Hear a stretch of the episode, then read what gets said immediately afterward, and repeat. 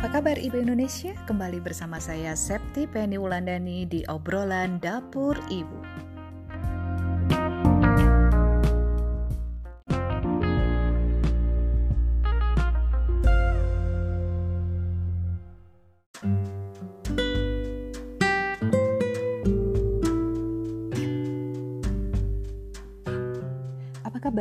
Indonesia? Selamat berjumpa kembali di obrolan dapur Ibu bersama saya Septi Penny Wulandani.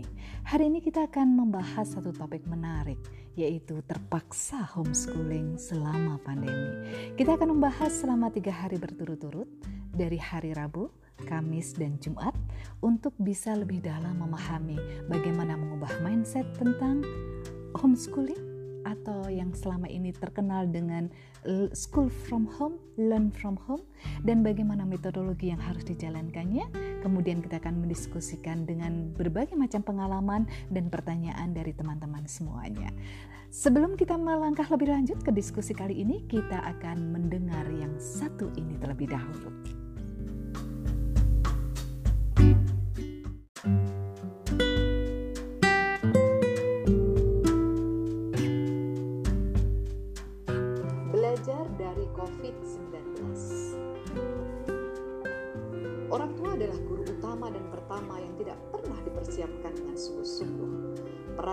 Sebagai guru masih dianggap sebagai peran warisan sehingga tidak perlu dipersiapkan. COVID-19 datang, orang tua ditantang. Pendidikan berubah semua dari dalam rumah. Saatnya kita bergerak, tidak selalu menjadi penonton yang hanya bisa bersorak. Pendidikan itu memerdekakan, bukan justru memenjarakan. Saatnya orang tua percaya diri, pendidikan bukan mengajar, tapi belajar dan memberi teladan. Pendidikan di dalam keluarga sebuah keniscayaan Selamat Hari Pendidikan, selamat datang di obrolan Dapur Ibu. Ya, itulah tadi bagaimana kita memahami bahwa COVID-19 ini memang membuat perubahan yang sangat drastis untuk pola pendidikan keluarga maupun pola pendidikan di lingkungan formal dan non formal. Baik, untuk itu kita akan panggil Pak Dodi Marianto yang akan membahas secara detail bagaimana konsep homeschooling di tengah pandemi ini. Pak Dodi, inilah dia Pak Dodi Marianto. Apa kabar Pak Dodi Marianto? Semangat sekali Pak Dodi. Semangat. Merah. Merah menyala. Merah menyala ya. gitu ya. Berbicara tentang pendidikan harus penuh dengan harus penuh semangat, semangat gitu ya Pak Dodi ya. Wow. Hari yang cerah. Hari yang cerah. Masuk ke mungkin sudah dua bulan anak-anak ini Tepat. libur eh libur belajar dari ya, rumah belajar dari rumah, rumah iya. bahasa yang dikeren-kerenin itu learn from home. Ya ada learn from home school from home. Wah ini bingung jadinya yeah, ya kita work ya from home. Work from home. Ada nanti school at home. School oh, at home. Oh banyak banget banyak gitu ya. Banyak banget yang harus dipahami saat ini. Nah Pak Dodi ini memang delapan pekan ini memang ke para guru-guru juga sudah merasakan di dua pekan pertamanya gitu ya. Dua pekan pertamanya itu shock. Tidak hanya guru ibu itu juga shock gitu kan, gitu kan. Loh, jangankan guru dan yeah. ibu menterinya aja shock gitu. Oh, iya. Menterinya aja sampai shock ini harus harus, harus seperti apa, harus bagaimana. Nah, di dua minggu pertama terasa seperti itu ya. Yeah. Kemudian sebenarnya kalau kita sebagai seorang orang tua nih, kalau kita posisinya adalah sebagai orang tua ya, menghadapi perubahan yang begitu mendadak gitu ya sikap kita harus seperti apa Pak? Oke, ini khusus tentang pendidikan. Iya, anak. khusus tentang pendidikan. Iya. Yang pertama mesti disadari terlebih dahulu bahwa ini situasi tidak normal. Iya. Ini situasi khusus. Hmm. Jadi artinya kita harus set standar terlebih dahulu. Jangan mengharapkan segala sesuatunya seperti situasi sebelumnya atau kita sebut situasi normal. Hmm. Jadi ini memang beda. Maka proses pendidikan atau pembelajaran anak itu juga jangan mematok sasaran sama seperti situasi sebelumnya. Itu bikin stres. Iya. Karena di awal-awal itu ya terjadi ya. Oh iya. Betul. Iya, coba perhatikan baik-baik sekarang. Anak-anak biasa di sekolah bertemu langsung dengan ibu Teman-temannya. guru, ibu guru Ibu gurunya. untuk proses pembelajaran. Bapak guru, ibu guru. Lalu dilatih di sana, beraktivitas bersama di sekolah, belajar bersama. Nah, sekarang mereka berada pada eh, tidak bertatap muka langsung, tidak melihat langsung. Ibu guru, bapak guru juga tidak bisa melihat langsung respon setiap siswanya Iya. karena setiap anak berada pada tempat yang berbeda-beda. Ibu guru harus memonitornya dalam satu layar yang mungkin juga tidak pakai laptop tapi pakai HP, HP, dengan jaringan yang barangkali tidak seragam di semuanya. Jadi tidak bisa kita mematok sasaran sama. Jika kita mengharapkan akan mendapatkan hal yang sama, mematok sasaran yang sama, maka semua pihak Iya. guru, siswa, orang tua akan stres semuanya. Karena memaksakan, ya, Memaksakan. memaksakan sesuatu Yang memang tidak bisa. tempatnya berbeda gitu ya. Memang tidak bisa. Situasinya bisa, berbeda. situasinya Segala sesuatunya berbeda. berbeda. Segala sesuatunya berbeda. Ya. Jadi kalau uh, ibu guru, bapak guru memindahkan semua mata pelajaran Ya. konten dari yang semula tatap muka offline, Iya. dipindahkan semuanya ke online Iya. Dengan pola dan cara yang kurang lebih sama, Iya. maka hasilnya pasti akan darah tinggi. Anak-anak juga akan Kaget menjerit ya. stres dengan itu. iya. Orang tua jadi ikut panik semua. Iya. Betul, betul, betul. Maka perlu di set standar terlebih dahulu. Iya. Nah, buat kami, nah ini enaknya ini. Dalam situasi yang seperti ini, maka eh, yang penting untuk dijaga sebenarnya tidak terlalu banyak. Yang pertama adalah kegembiraan belajar. Hmm, Itu saja dulu. iya. Konten itu mudah nanti di Nanti bisa mengikuti ya. Oh, kayak gitu. mengajar konten Prosesnya gampang banget ya. Ya, relatif. di masa sekarang ya. Iya, yang konten juga setiap saat berubah. Iya, betul. Hmm. Jadi eh, memaksakan konten dalam pembelajaran jarak jauh saat ini di masa pandemi itu hanya akan me- memantik aneka macam rasa stres pada seluruh pihak. Iya. Nah, ini juga sebuah himbauan kepada para pemangku kebijakan di bidang pendidikan untuk membantu para para pihak ini, eh, siswa, guru, orang tua, eh, agar tidak stres semuanya dengan menginformasikan mengenai bahwa jangan memaksakan standar sebelumnya dimasukkan ke dalam pembelajaran online ini. Buat saya sederhana alasannya. Pertama, ini memang situasi khusus. Hmm. Yang kedua, eh, guru mana yang sudah dipersiapkan untuk proses pembelajaran online ini? Iya. Tidak ada guru, boleh dibilang ya, Iya. Tidak ada guru yang sudah dilatih khusus untuk proses pembelajaran Pembelajaran online online. atau berlatih secara sadar mandiri untuk pembelajaran online. Jadi memang tidak siap. Iya. Anak-anak dan orang tua pihak terdiri ini juga tidak disiapkan untuk pembelajaran online. Yang sederhana, peralatan yang ada di rumah belum tentu semuanya ada. Iya.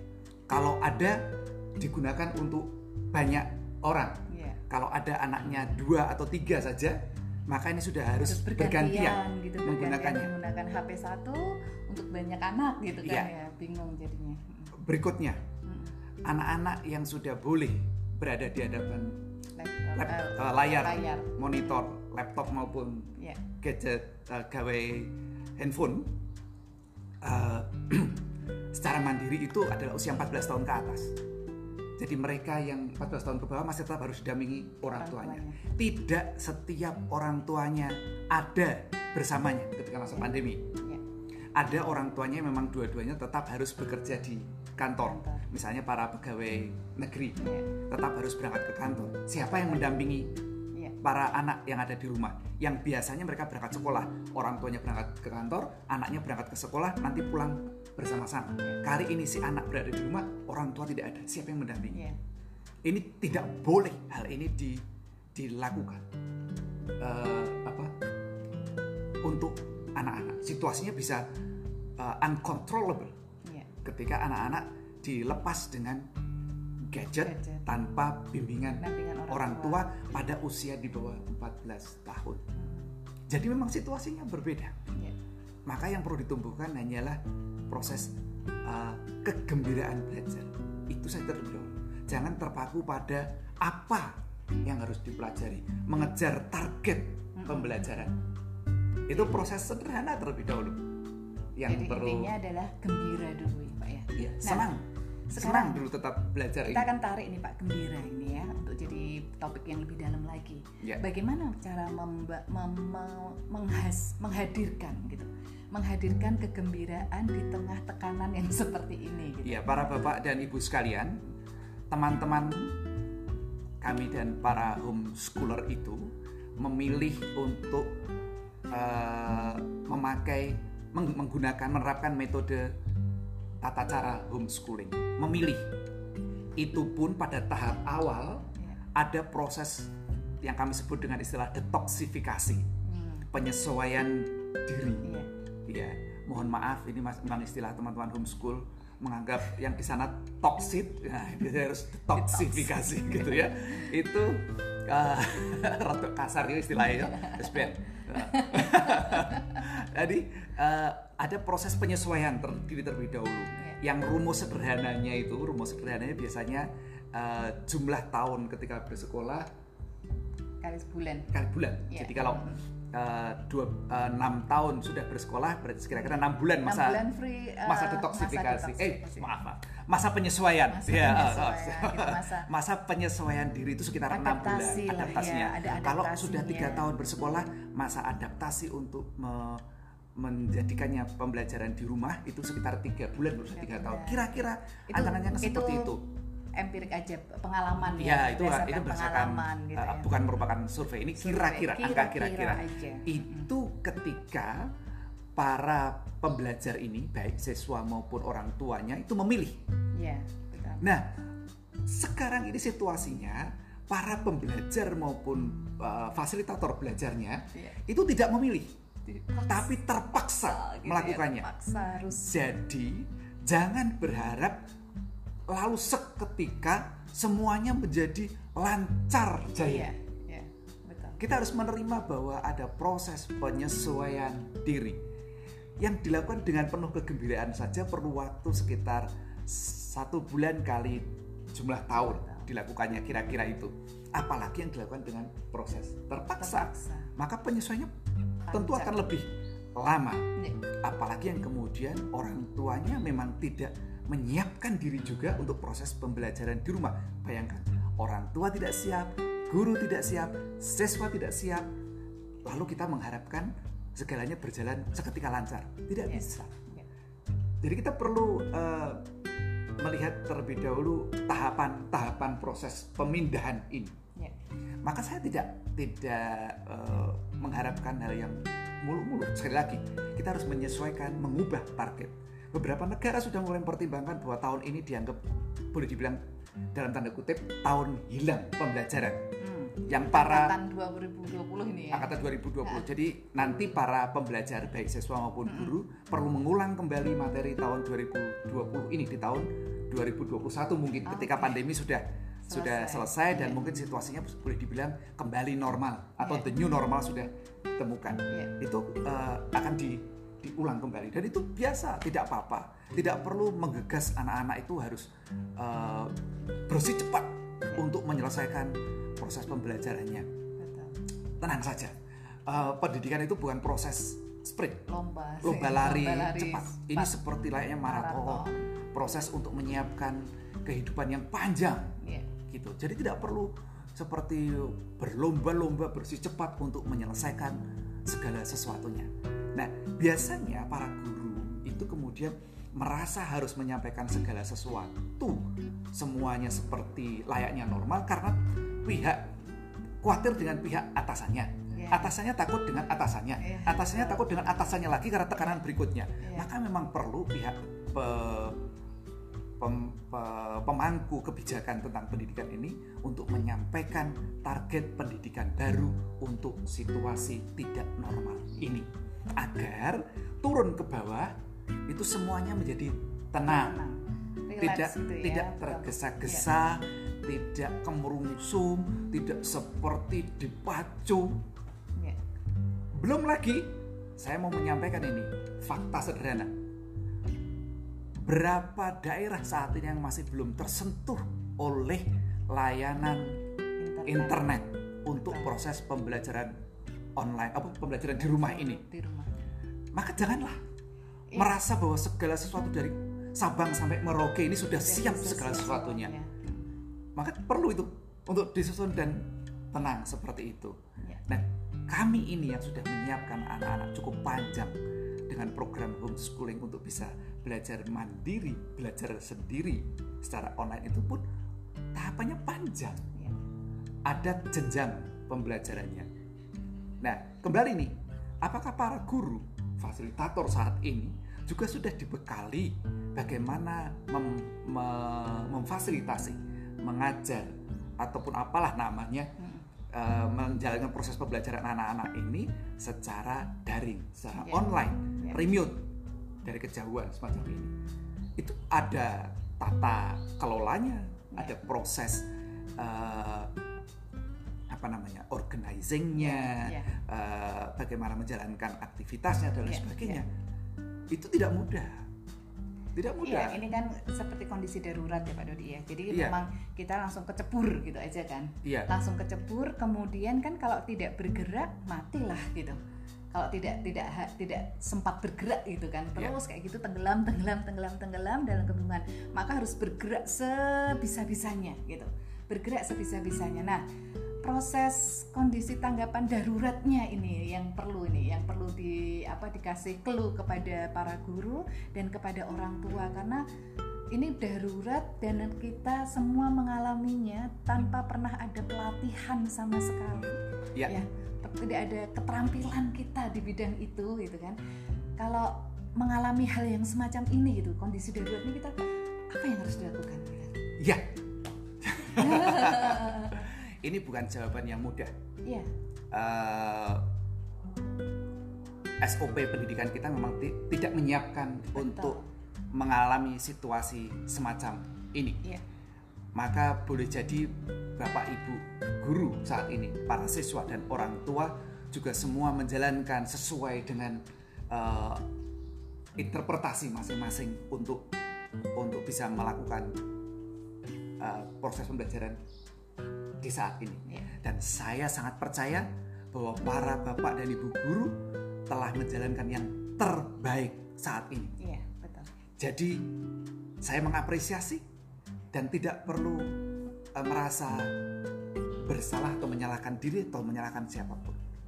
Ini kita sedang menjalankan begitu situasi darurat, semua kemudian melakukan segala upaya untuk tetap bisa selamat.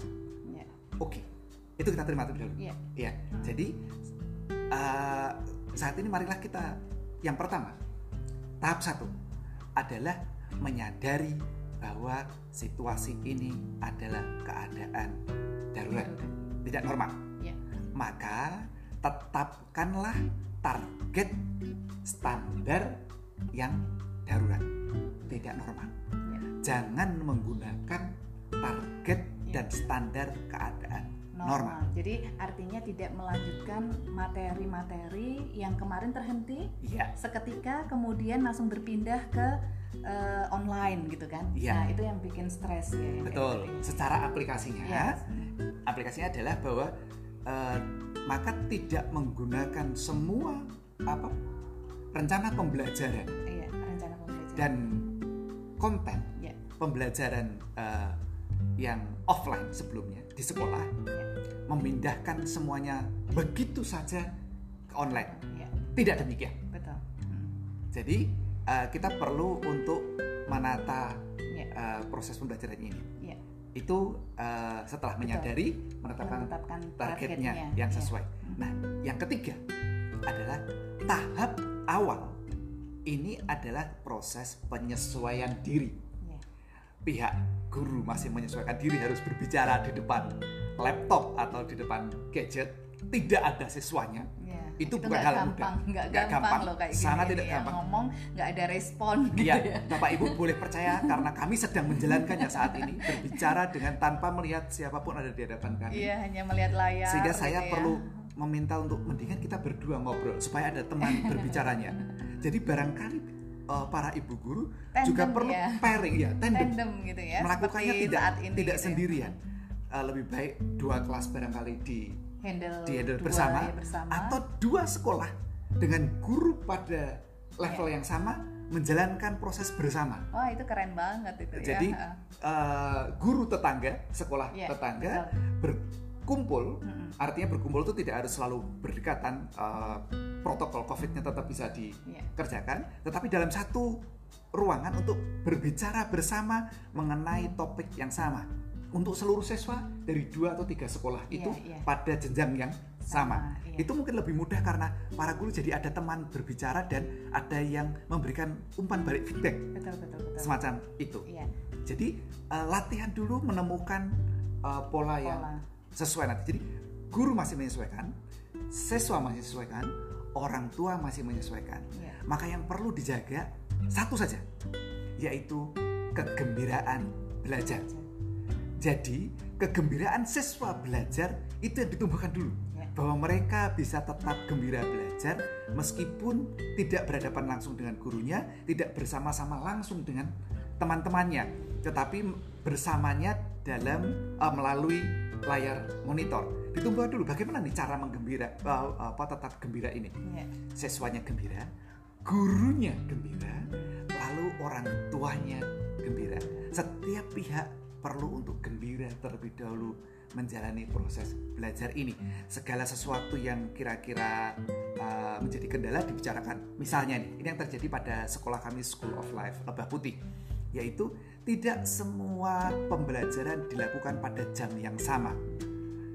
Itu hasil dari mana? Dari rembugan Ya, musyawarah kesepakatan gitu ya. musyawarah antara pihak guru, pihak orang tua dan pihak siswa. Misalnya ini, orang tuanya dua-duanya bekerja di rumah, gawainya hanya sedikit, Iya. tidak memadai untuk Dan semua tidak anak. akan ditinggal. Dan tidak akan tidak ditinggal. akan ditinggal karena anaknya belum usia 14, usia 14 tahun. tahun, ya. Maka tidak akan ditinggalkan kepada anak. Anaknya. Maka kemudian disepakati eh, jadwal pembelajarannya adalah ketika orang tua sudah pulang ke rumah sehingga bisa mendampingi anak-anak Ya. belajar di rumah eh, kemudian bisa bersama-sama menjalankan dan apa namanya ya menjalankan aktivitas proses pembelajaran bersama-sama secara bersama-sama gitu. seluruhnya Ya. nah itu di dimusyawarahkan Ya, betul. jadi jamnya bisa saja menjelang maghrib asar itu Ya. setelah apa jam jam setengah empat sampai Ya. dengan jam setengah enam lalu nanti dilanjut Nanti lagi jeda, lanjut lagi. lanjut lagi setelah Ya. sholat tarawih Ya, saat ya. ini itu bisa dikerjakan itu Ya. pengaturan itu semuanya uh, musyawarah Ya.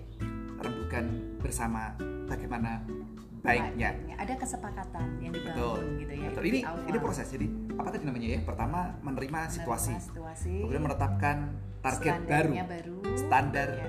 proses pembelajaran baru Mm-mm. kemudian eh, me- menjaga kegembiraan belajar Ya. bersama kemudian yang keempat mem- menata proses pembelajaran baru. Menyadari atau menerima adanya proses penyesuaian diri waktu penyesuaian diri Ya. dengan tidak memaksakan di dalam proses penyesuaian itu harus eh, materi pembelajarannya selesai Ya. pada saat itu. Iya, dan itu kuncinya di komunikasi, ya kuncinya di komunikasi terus karena ini memasuki masa krisis, memasuki masa darurat, maka harus sering berkomunikasi karena kalau tidak nanti bisa salah paham karena emosinya gampang kesulut gitu kan, gampang eh, kembali lagi ke urusan komunikasi. Sama seperti ketika kami dulu memulai homeschooling, saya khususnya itu memang pertama kali gitu Pak Dodi. Semua eh, beli buku pelajaran gitu kan. Beli buku pelajaran nengok sekolah sebelah gitu kan. Nengok sekolah sebelah oh materinya udah kayak gitu ya. Kita beli buku pelajaran dibawa ke rumah. Itu normal. Karena semua kita saat itu tidak punya standar yang harusnya seperti apa. Sehingga ketika menjalankan perubahan yang terjadi adalah kita membawa materi-materi sekolah itu dibawa ke rumah. Jadi nah, itu yang seperti terjadi. memindahkan, Memindahkan sekolah, sekolah ke, ke rumah. dalam rumah. Iya. Saya akan sampaikan ini tidak akan bisa bekerja Iya, yang betul. semacam ini.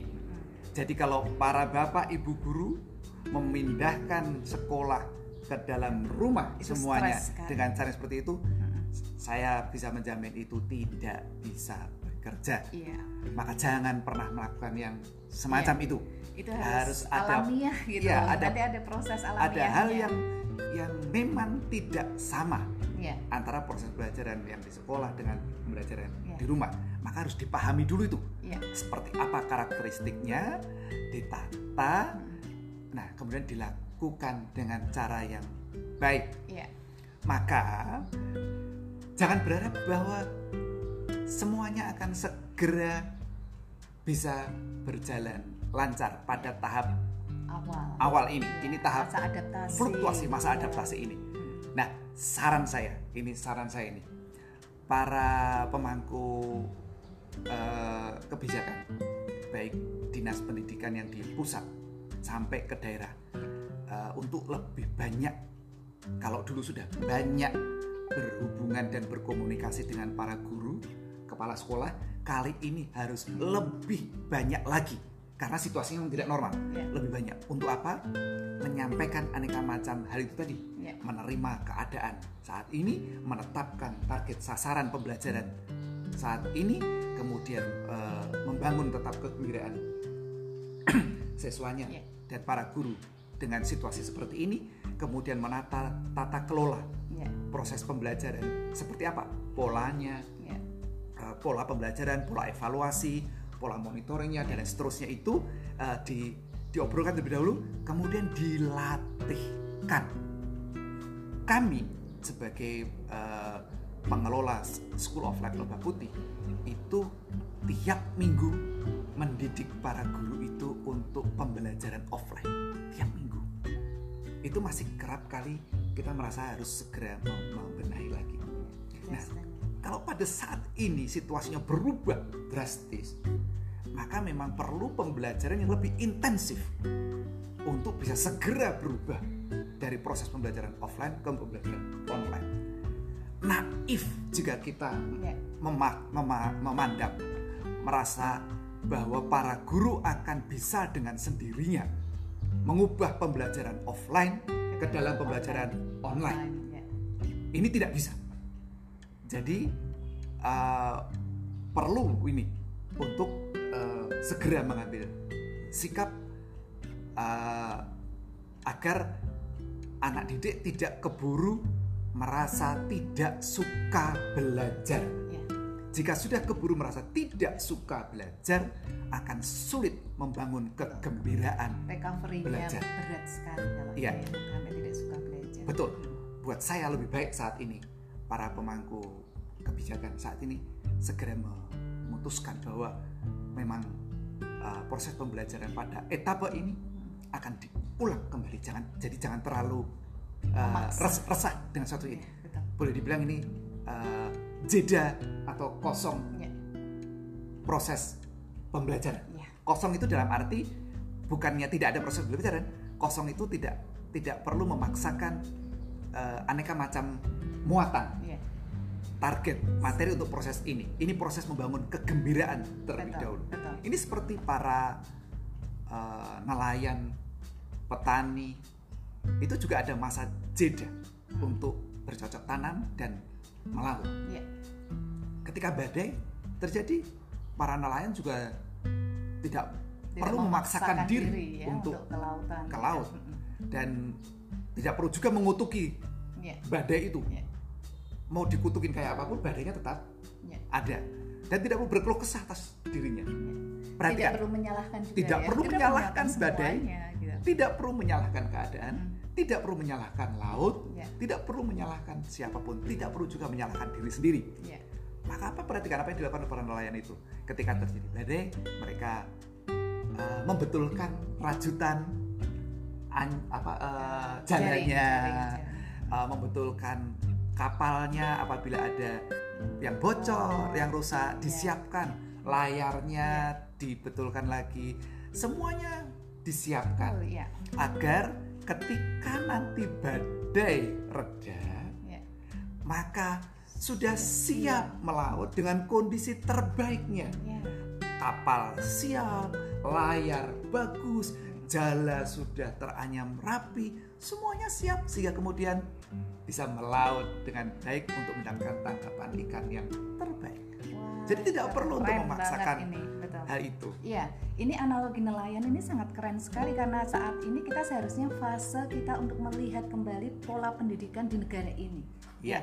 Pola pendidikan negara ini. Oh, bolongnya di mana ini? Betul. Bocornya di mana gitu. Betul. Bukan saatnya untuk menjejalkan gitu ya, Oh, iya. menjejalkan semuanya di ranah yang berbeda. Ya. Ini bahasa sederhananya itu mundur selangkah untuk maju ribuan Iya, langkah. betul. Jadi saat ini mungkin waktu yang sangat tepat buat kita para pelaku pendidikan baik sebagai uh, orang tua maupun sebagai guru dan juga terlebih lagi para pemangku kebijakan pendidikan untuk kontemplasi terlebih dahulu Ya.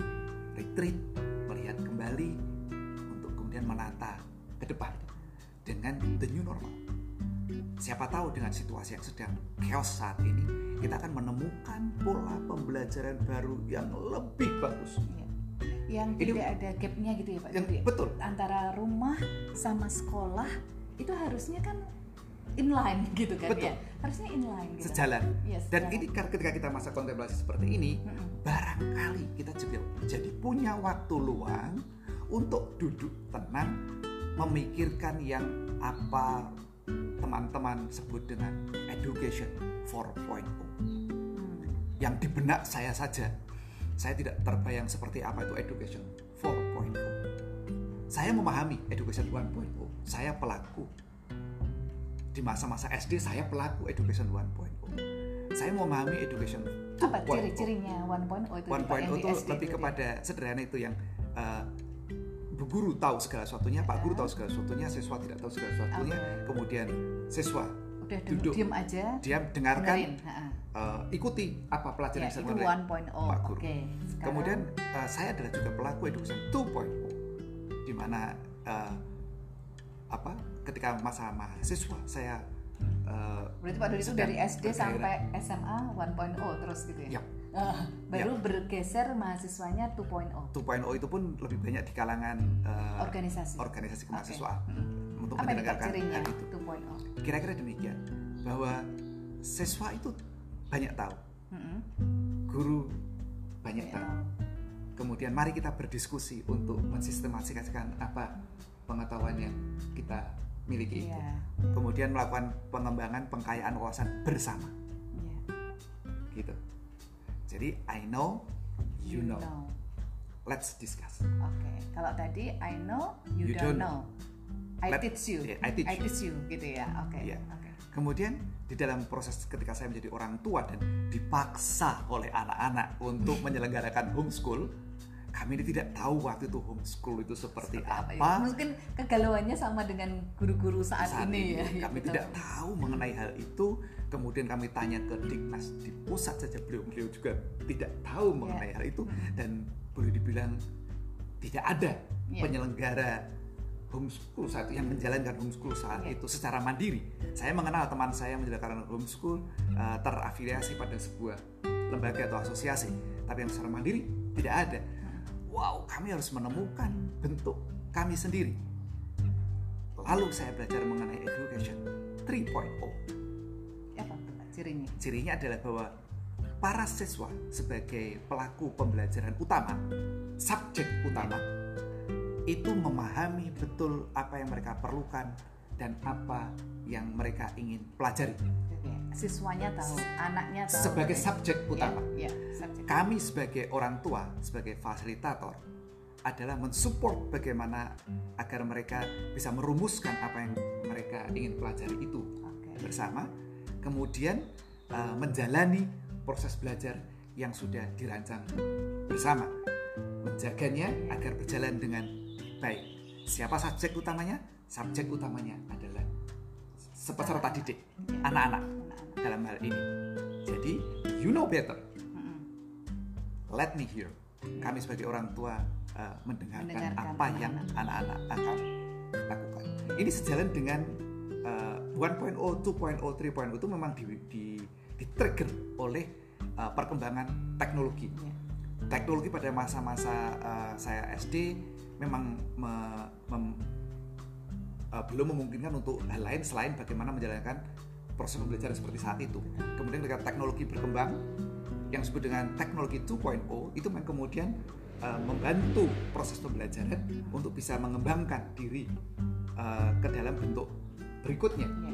sehingga kemudian uh, disebut juga dengan istilah education 2.0 sejalan dengan itu.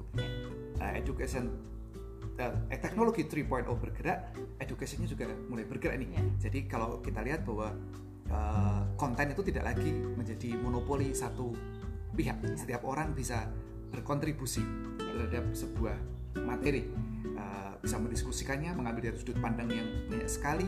Uh, sebuah kalau boleh dibilang sebuah uh, tulisan itu itu bisa kontributornya dari banyak pihak dan seterusnya. Road writing gitu ya bersama-sama gitu. Ya, itu di, masih di 2.0 Iya. saat itu. Ya. Ketika 3.0 sudah pergerakannya lebih uh, bagus lagi, mentorship sudah memungkinkan uh, orang yang di belahan dunia sana menjadi mentor dari orang di belahan bumi sebaliknya belum pernah Ya. ketemu dengan seperti seolah-olah bisa bersama-sama Sama-sama. menyelenggarakan eksperimen seolah-olah berada dalam satu ruangan dan sebagainya karena sudah sangat memungkinkan. Pergerakan teknologi memang saat ini sudah bergerak kepada 4.0 tetapi education 4.0 saya tidak melihat ada ada uh, pergerakan yang memadai mengenai hal itu kalau kita lihat saat ini bahwa uh, banyak universitas sudah menyelenggarakan uh, penyelenggaraan Online. pendidikan online jarak jauh gitu ya. jarak jauh yang semacam itu segala sesuatunya uh, siswa dan guru berada di virtual room Hmm. Uh, sehingga uh, interaksinya berbeda sekali dengan interaksi saat ini Uh, pergerakan itu di Indonesia tidak terlihat cukup uh, cukup dipahami dan dan diimplementasikan secara Iya. memadai Iya. lalu kenapa kita harus buru-buru me- mengklaim Iya. adanya education Ya, karena kadang cuma 4.0. memindahkan teknologi saja. Kayak dulu kita sudah ada namanya apa namanya power eh, PowerPoint apa namanya LCD proyektor gitu ya. Sudah ada pro LCD proyektor, tapi guru me- memindahkan saja catatan yang biasanya di papan tulis itu dipin- dipindahkan ke laptop dan anak-anak tetap aja terus nyatet. Itu polanya masih seperti Iya, itu. jadi Iya. Ah, konsep tentang education 1.0, 2.0, 3.0 itu bukan persoalan alatnya saja. Iya. Bukan berarti jika sudah ada laptop, mindsetnya gitu ya. sudah ada laptop berarti sudah bisa pendidikannya masuk naik gitu. naik jenjang. Iya. Tidak demikian. Iya. Ini adalah tentang tata cara, Iya. uh, metodologi, Iya. metode pendidikan Iya. banyak masalah. Seru nih Pak Dodi. Untuk metodologi kita akan bahas besok gitu ya. Akan kita akan bahas besok karena waktunya sudah habis saat ini. Dan kita akan bagi menjadi tiga segmen nantinya. Ini segmen pertama kita tentang membuka mindset terlebih dahulu tentang bagaimana sih kita terkaget-kagetnya dari proses bersekolah di eh, belajar di dalam sekolah geser kepada homeschooling saat ini seketika dan berserempak bersama-sama. Ini mindsetnya harus kita buka terlebih dahulu. Hari ini kita buka mindset, kemudian besok kita akan eh, bicara tentang metodologi dan teknisnya dan silahkan teman-teman untuk memberikan pertanyaan atau menceritakan pengalamannya masing-masing di podcast dengan voice message bisa atau dengan eh, tulis komen ya kami sudah menerima beberapa dan akan kami bahas besok untuk bisa menjadi eh, pengayaan bagi seluruh orang tua dan guru yang menjalankan proses perpindahan model pembelajaran kali Jadi ini. mohon maaf, beberapa pertanyaan belum kami bahas saat ini. Iya. Kita mulai dari startingnya.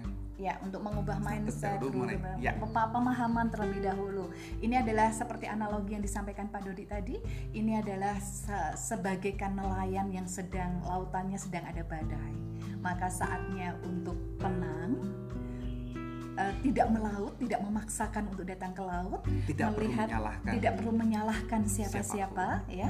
Kemudian saatnya untuk melihat mana sisi-sisi yang kurang.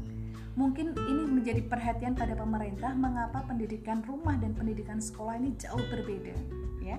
Kenapa yang eh, antara guru sebagai fasilitator di sekolah dengan orang tua sebagai fasilitator di rumah ternyata terjadi gap yang sangat tinggi sekali gitu ya.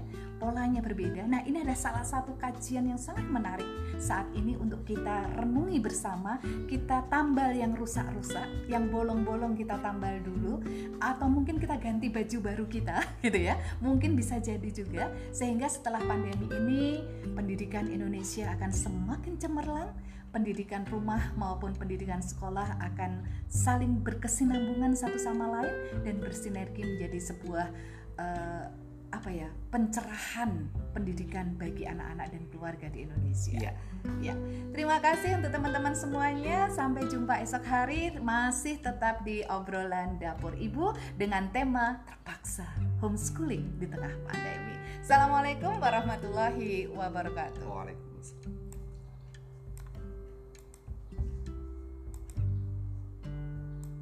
Dapur adalah wajah keluarga kita. Dapur adalah pusat